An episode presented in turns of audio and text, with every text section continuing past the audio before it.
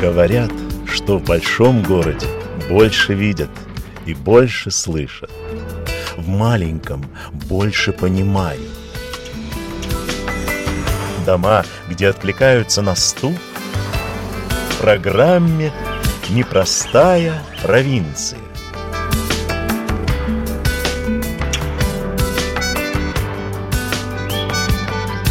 Программу «Непростая провинция» также можно послушать на веб-сайте Латвийского радио 4 LR4LV и на всех основных платформах потоку вещания подкастов. Здравствуйте, я Ольга Гудис. Сегодня мы в Латгалии, причем на самом востоке Латвии, в Карсе. Это маленький городок на левом берегу Ритупа, через который ведут дороги, вернее, вели дороги, железная и автомобильная, на северо-восток, Псков и Петербург, и когда-то на юго-запад, через Вильнюс аж до Варшавы – но с 2014 года и в Россию не добраться поездом по известной причине. Ну а дороги – это животворные артерии городов, так что, увы, теперь здесь тихо. Даже не встретишь ни одного прохожего. Правда, в Карсове есть что посмотреть. Мы специально заехали, чтобы полюбоваться православной церковью преподобной Ефросине Полоцкой. И даже не только потому, что это уникальный по красоте образец деревянного зодчества – но и увидеть место, где когда-то служил весьма почитаемый среди верующих и даже легендарный архимандрит Виктор Мамонтов. И здесь тихо, словно белой шалью покрыты темные купола, а на аллее, ведущей к церкви, снег еще не тронут следами людей. А вот у протестантской церкви меня ждет человек. Это местный фотограф. Без его участия не обходится ни одно событие в городе. Вот и теперь, за несколько дней до нашей встречи, на аллее, ведущей к кирхе, он фотографировал открытие своеобразной инсталляции. Здесь была установлена большая парковая Библия, и фотограф решил мне ее показать. Только удивительно, что для записи улица оказалась совсем не тихой. По ней без конца сновали машины.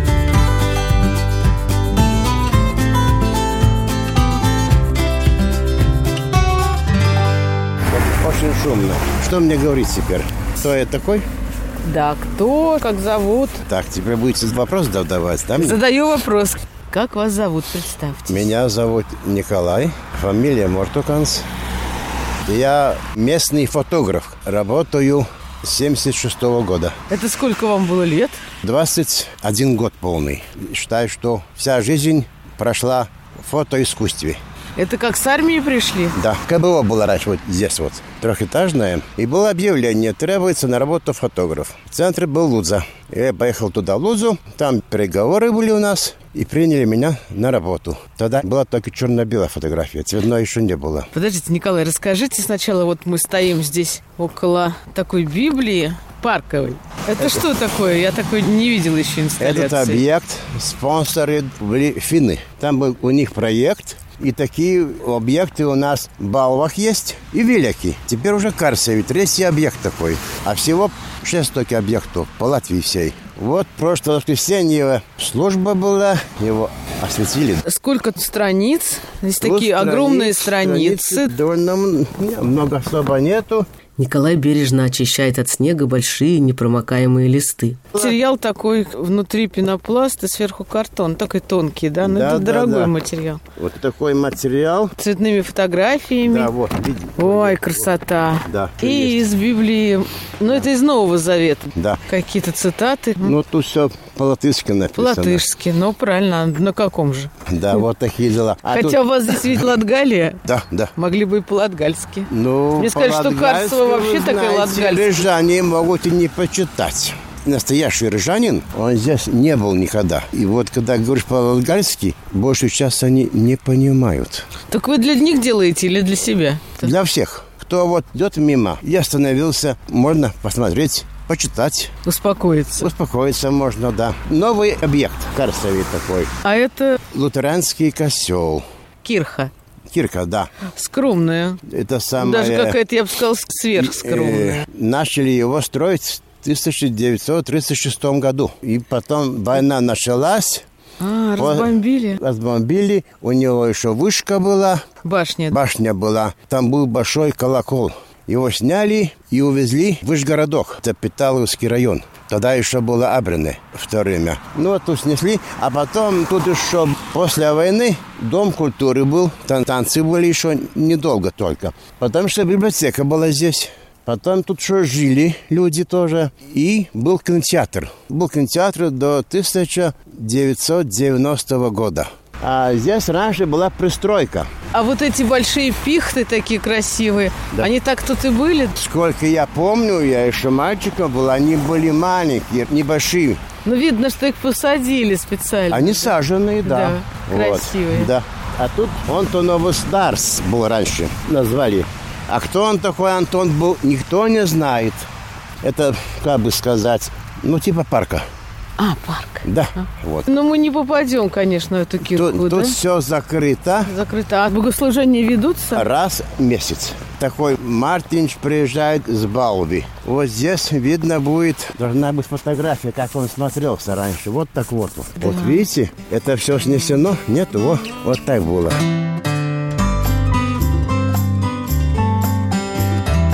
Рассматриваем на щите старую фотографию церкви.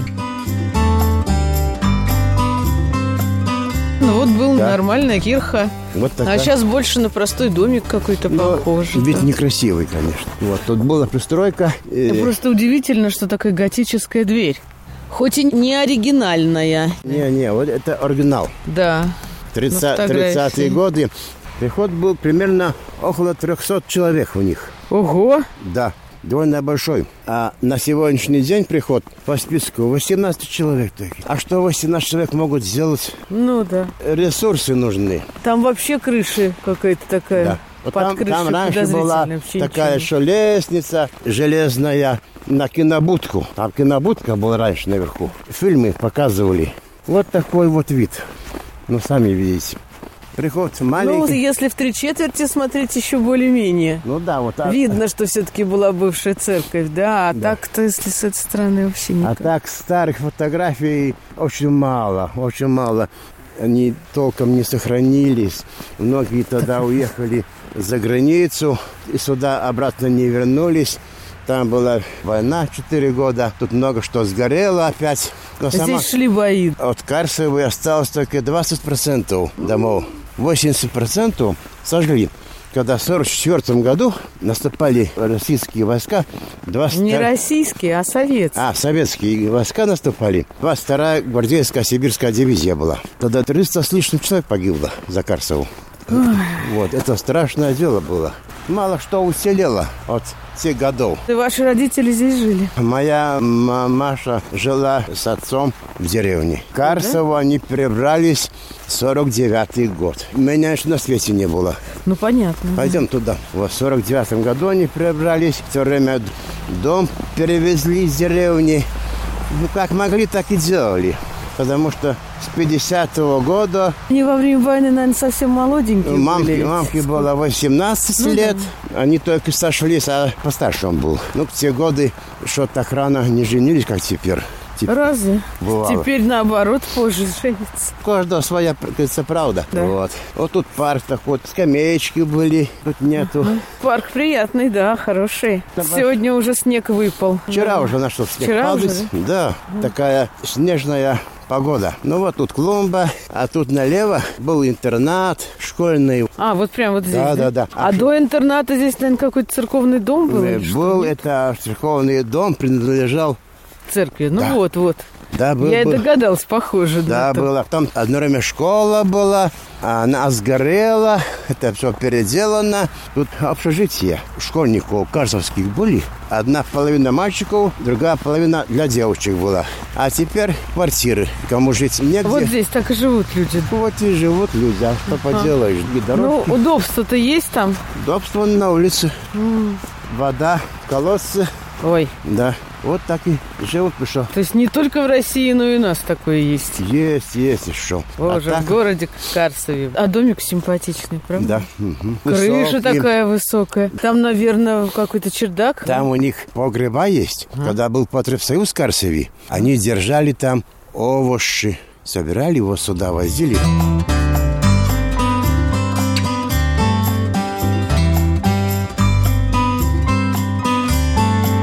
А У у нас школа теперь, это средняя школа Картовская. Всего сейчас 271, по-моему, ученик только. Очень мало. Когда Ну, я, раньше здесь было больше школ. когда я в школу ходил, в 60-е годы было 800 школьников. Какие большие линейки были. Собирали нас на стадионе. Там еще маленькая была школа тоже. Первый, третий класс. Пот- Потом двухэтажная.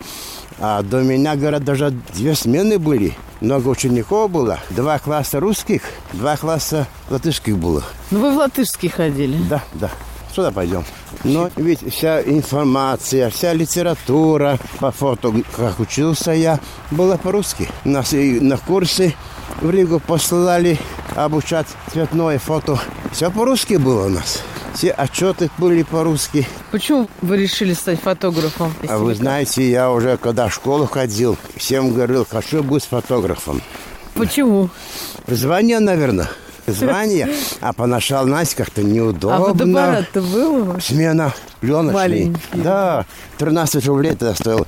А поначалу было неудобно, Ну, Слушайте, 13 рублей дорого. но деньги были. 13 рублей это. Были у вас? Родители дали. Помню, был на одной свадьбе там, Сашка заработал, купил фотоспышку. 31 рубль стоило. Ой, боже. Для меня это были деньги Ну, это большие. состояние. Да. Целая зарплата, наверное, родителей. Да? Мальчики, знаете, как летом ходили подрабатывать. Д- Здесь раньше вот была стройконтора, куда мы идем сейчас, после войны. А сейчас это музей, да? Лишумаев называется оно.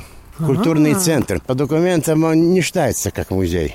Это здание тоже. Матиис такой был. Здесь у него фабрика своя, 30 рабочих было до войны. А тут немцы отступали, все жгли. Э, Это вот э, же не новострой, из валунов сделано. Первый этаж остался цел, Потому что из валунов. да, а был еще второй этаж. Но он сгорел. И Сделан как крепость. О, не разбись. Да. А сейчас не успели сдать в эксплуатацию, уже ремонт надо делать. Местные валуны, что там? Ну вот, видите, вот. Здорово. Культурвестерс-центр Ли Чумаев. Ага. Вот мы и пришли сюда. Но на улице, знаете, неприятно. Да, давайте пойдем Можно А внутрь. паузу что да. сделать. Не, не будем паузу, так и пойдем. О, так. Ох, тепло здесь как.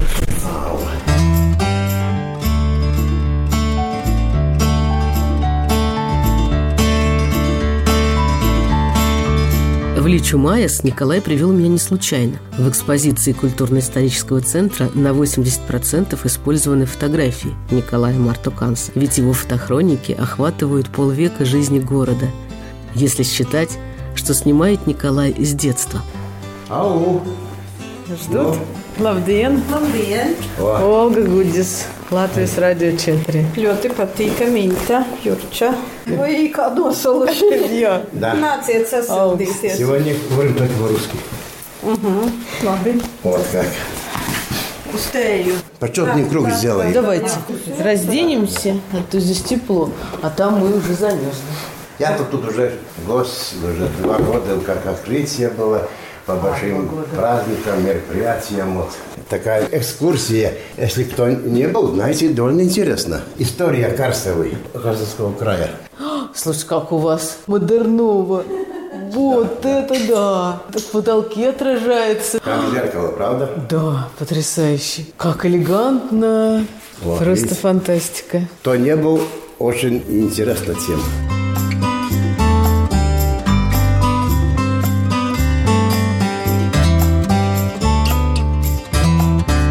Так, продолжение следует. Да, на чем мы остановились, как вы купили вспышку Ну да, да, Ну да, это в было. детстве. А родители кто у вас были? Простые. Крестьяне были. Деревни, межведи. Так вы оттуда из деревни сюда ездили, что ли? Меня маленького сюда привезли. Отец был межведи, а мамаша была мерзеная. Как они познакомились, я не знаю. На танцах, наверное. М, Не могу сказать. Я, я не в курсе. А но- как же вы так не спросили? Ну, тогда, как говорится, молодой, и так особо не интересуешься. А Вот тебя, с- когда их не стало, спросил бы, да, Да. ответа не будет уже Все больше. надо вовремя делать. Да, знаешь, как молодые, а, зачем мне надо это? А давно они ушли? Мамаша умерла 12 лет обратно, а отец еще раньше, в 86-м, Он молодой был. когда он умер. Мне 31 год был, а когда мамаша умерла, было 56 уже мне лет. До 88 лет мамаша. Ух ты. А бабушка моя умерла в 93, еще старше была. Но бабушка так немножко помню, что они рано все ушли, я еще маленьким был. А вот как вы думаете, почему так люди жили долго все-таки? Войны, тяжелый труд. Вы знаете, еда была совсем другая. Все было естественное. А сейчас в магазине посмотришь, и цвет красивый, и на запах вкусное. А принесешь домой, другой раз и и кушать нельзя уже. От еды думаете? Ну, всякое бывает. А я думаю, что просто выживали сильнейшие. Вот кто детство Ну. пережил, тот и молодец. Сама природа людей сортировала. Да. Кому жить, а кому не жить. Да, естественный отбор. Был у меня братик маленький, 9 месяцев и умер. Потом я уже пошел на свет. И вы один? Да, да, один только. Был братик, но 9 месяцев умер. Видите, как сортировали. А у моей бабушки было 11 детей, но только 9 выжили, 2 умерли. Ну, уже много Ну, это прошло лет. хороший процент Да, выживаемости. да, конечно, дед пораньше немножко умер, она еще после деда лет 30, наверное, жила. Деревни там, межведи были. Ну, так родители в колхозе работали. Да, в колхозе Ну. работали, сельским хозяйством занимались. А Ну, в что именно? 49 году у них отобрали скотину. Вы знаете, такой больной вопрос. Только по рассказам я знаю. Плакали, жаловались, а что поделаешь. Это 49 год, март месяц где был. Подробности я не знаю, Хорошо, что самих не выслали. но в списке были. Да?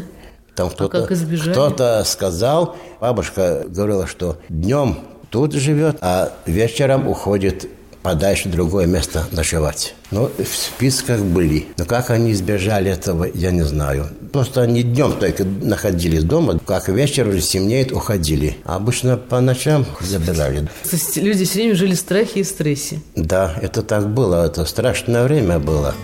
Сегодня так, как бы завтра никто не знал.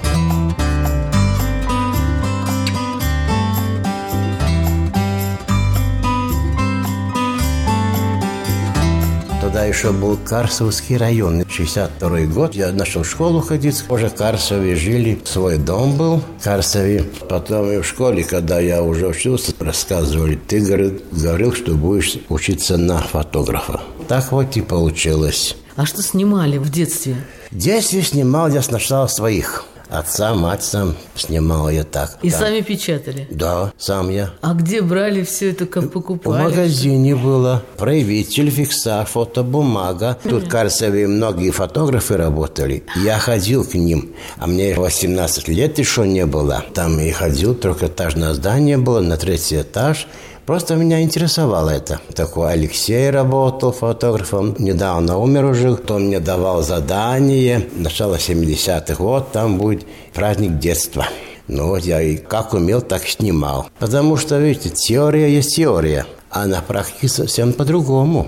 Теория с практикой не совпадает в другой раз. Пленка бывала сначала и слепалась. Это такой был фотобачок, танк назывался, где проявляли пленку. Надо было в темную, как по винту, закручивать. А бывало и слеплась пленочка, и те кадры все пропали обратно их уже не вернешь. А потом приспособился. Это просто вопрос был времени. В 76-м уже начал тут работать, КБО. Из армии пришли, а служили где? Веспилс, Латвия. Супер. Да. Там вы тоже Тоже, тоже. использовали ваш талант. Меня использовали и много там на полигон гоняли, все. Тогда еще дедовщина была. Ну, Ой. Да, ну, это было. Да, да, да, да. Но она ну, и сейчас есть. В Латвии наверное, нету, а Да, там-то ну есть. вот, служба два года, и надо готовить альбом дембельский.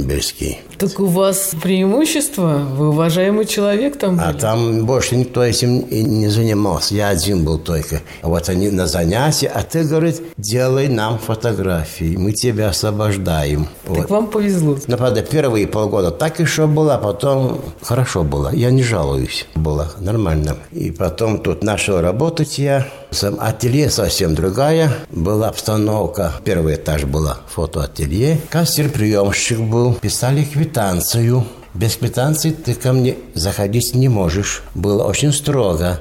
Если какой вызов куда-то идти фотографироваться, надо было аванс заплатить 5 рублей по тем временам. Это дорого. Дорого, 5 рублей. и фотографий 3 на 4 комплект 8 штук стоили 39 копеек. Мало. Да, визитка была 6 на 9. Особенно снимались много молодежь. 8 штук, 98 копеек стоил. И такие цены были. Ну, там цены Так разные. вы получали зарплату от Там проц- заработка или, или у вас была такая Не, ставка? там проценты шли.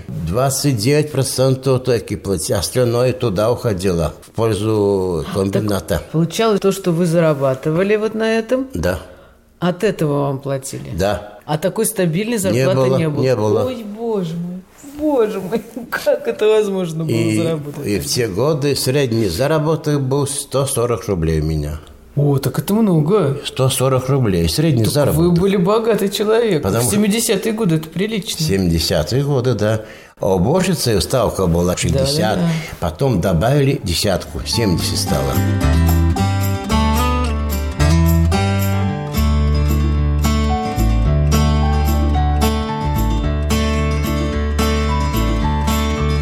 Сначала был промкомбинат, обувщики, часы ремонтировали, парикмахеры. Всех вместе в одно здание поселили. А поначалу они работали все отдельно. Фотограф такой был, Либер Карцеви, тоже отдельно работал.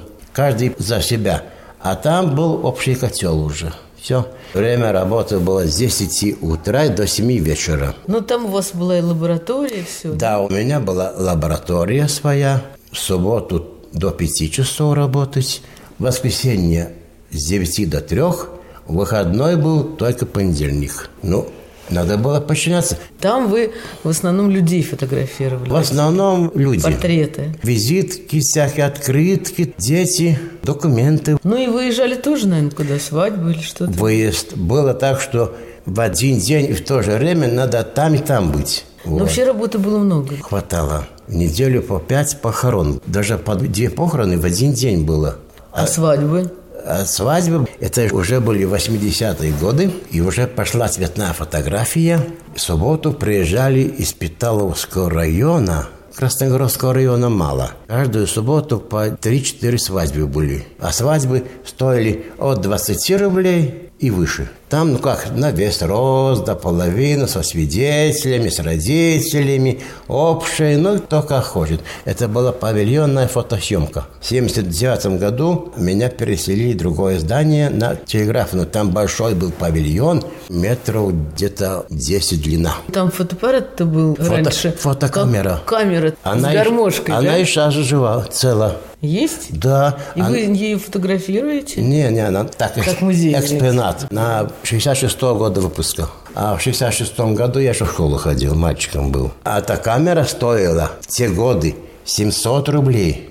Это ж надо было сдавать корову. Это ручная работа. И Она мне в рабочем состоянии, все работает. Тут Кто-то просил продать мне. Я говорю, деньги разойдутся, и ничего мне не останется. А Это вещь. Потому что это стационарная фотокамера павильонная. Там фотопластины были цветные 10 на 15, 13 на 18. То есть Вся- это не пленка, а пластины, да? Она в Фотопластины. такие загружалась. Да, вот это. Как это? Такие планшетики. такие. Да, там кассета специально Да, была. кассета, во-во. А на выезд был, обычно нам давали на работе фет-аппарат. Фет, зорки, вот эти Ну, это зоркий не член. очень. Ну, по тем временам, 80-е годы. Ну, вот Киев И- и- был хороший, потом Уже, «Зенит». потом Киев. А «Зенит» достаточно была проблема, дефицит. Самый дешевый «Зенит» стоил 67 рублей. И «Зениты» у меня тоже сохранились. Все эти объективы разные, да? Да, и «Феты» тоже сохранились. Тоже все работают. Только А спро- где они у вас? Дома. Вот, сохранились у меня. Может, пришлете фотографии мне? Какую? Ну, вот ваших этих фотоаппаратов. А На WhatsApp. у меня простой телефон, я не могу переслать. Ясно. Ну, пенсионерский, кнопочный. А чего вы так? А знаете, как привыкший уже быстренько, ну, если пальцы будут мокрые, не- нельзя ответить. Ну и что? Да. Че, Что, они у вас сегодня мокрые, что ли? Ну вот так что Так красота, сейчас же фотографировать-то удобно этим новым а, фотоаппаратом. я фотоаппаратом снимаю. Все-таки. Да. То есть вы привержены фотоаппарату. Да, уже проверенный. У меня Nikon есть, и Canon есть аппарат. Да. Давно приобрели? Уже дигитальная фотография началась в Карсеве в 2009 году уже. только. Да. А так цветная фотография была, пленочная. А теперь это сама себестоимость очень большая. Да. Пленка стоит где-то около 10 евриков. Ой. А кто тебе будет платить? А плюс еще вся обработка, плюс фотобумага. Эта фотография стоит будет 2 еврика. А кто будет платить? Ну, фото, тем более на пленке, там большой процент браковки. На пленке снимаешь, ты ничего не видишь. С пленки 2-3 фотографии хорошие получились. Да. А так вот дигитально, цифровое. Я снимаю кадров 10. И 10 кадров так 2-3 меня годятся. Потому что я сортирую их. А потом сортирую и еще обрабатываю. Что-то отнимаю, добавляю, обрезаю. На компьютере? Да. Сейчас это компьютер, ну, необходимость. Компьютера нет, все у меня стоит на месте. Свету нет, все стоит на месте. Значит, раньше были более независимы. А раньше, да, в темноте пленочки проявлялись. Потом кастрюли большие были такие. Ай, Марокки было, наверное, страшно. Да, чтобы проявить цветную пленку, почти час требовался. Проявитель, полоскание, отбеливатель, фиксация, потом еще. Это все время шло. Почти час уходило.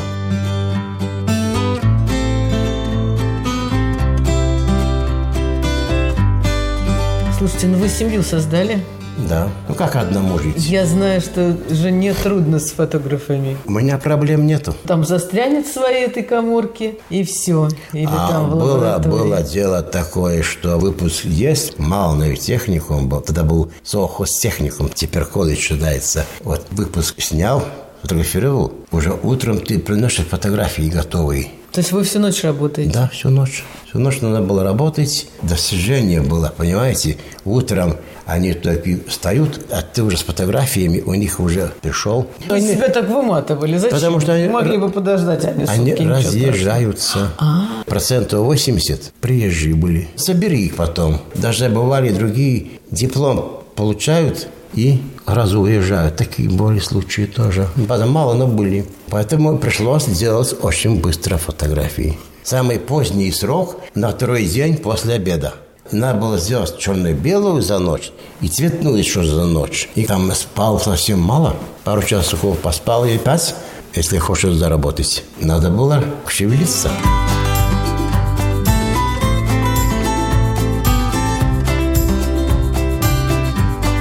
В 93 году комбинат бетообслуживания ликвидировали. Иди куда хочешь. Все. Тогда было еще финансовый какой-то отдел, как называлось по-другому. И, ну, чтобы все было законно, надо было разрешение брать от местной власти что тебе разрешают заниматься фотографией и торговать ими. Потом ехал ты в Лузу с этими всеми бумагами. Ко мне было первый раз, дали на три года только. Все. Три года прошло, опять по новой все было. Потом только был я не Муденос, потом позже уже. Так что там отчеты были, надо было отчеты сдавать. Приход, расход, остаток каждый квартал. Вы сам у себя были бухгалтером. Да. Слушайте, а жена чем ваша занимается? Она технический работник, в Доме культуры работает. Уборщицей. Вы так сказали технически, я так подумала, боже, наверное, на какой-то фабрике там. Не, не, Ну, что, у нас технический фабрика тут, работник. кажется, нет никакой фабрики тут. И не было. Тут такие филиалы были. Когда был район, 50 и 62 год, тут жило 4000 человек в Корсаве. А сейчас 1800 считается, кто вот декларация есть. А декларированные есть. А сами не живут. Да, ну 1200 где-то живут. Со всеми малыми и стариками. Считается городок, а по населению как поселок. Поселок городского типа. Раньше была организация КБО, работа 70 человек. Комбинат бетообслуживания. А, комбинат. И часовые были, и сапожная была, и женская мужская парикмахеры, и швейники были. Все шили полностью. Женская, мужская там одежда, верхняя, нижняя была. Всё. Ну, раньше же не купить было. И они хорошо зарабатывали, наверное, все время бы работа Ну, Тоже была. были заказы быстрые. Приезжали из Псковской области сюда. Серьезно? Да, Питаловский район. Приезжали сюда, с острова приезжали, заказывали. Здесь же Запад, Латвия. Да. Это же И все-таки как как-то посмотрим. солиднее было. Как посмотришь, вот суббота, воскресенье, все псковские номера. ПС, ПС, ПС. приезжали закупаться. Товар. Тогда свободно, не было границы. Деньги были одинаковые, рубль. Это Еще. 90-е годы. Не, уже 80-е. 70-е и 80-е. 80-е. А уже в 85-м году, когда пришел к власти Горбачев, началась перестройка. И всё Вообще по- ничего не было. в общем, постепенно Еды не все, было, ничего не было. Ну Все постепенно, постепенно все угасало, угасало. То закрыли, то ликвидировали. А вы знаете, что ведь это санкции работали? Ну, Мы просто не знали. Советский Союз уже санкции объявили из-за войны в Афганистане. А даже там А мы просто не знали. Поэтому стало все рушиться. этого нам не говорили. Да, да. Вот. Так что это было все это. Ну, теперь совсем по-другому. Не, знаете, жить хорошо. Всего хватает. Только денег не хватает.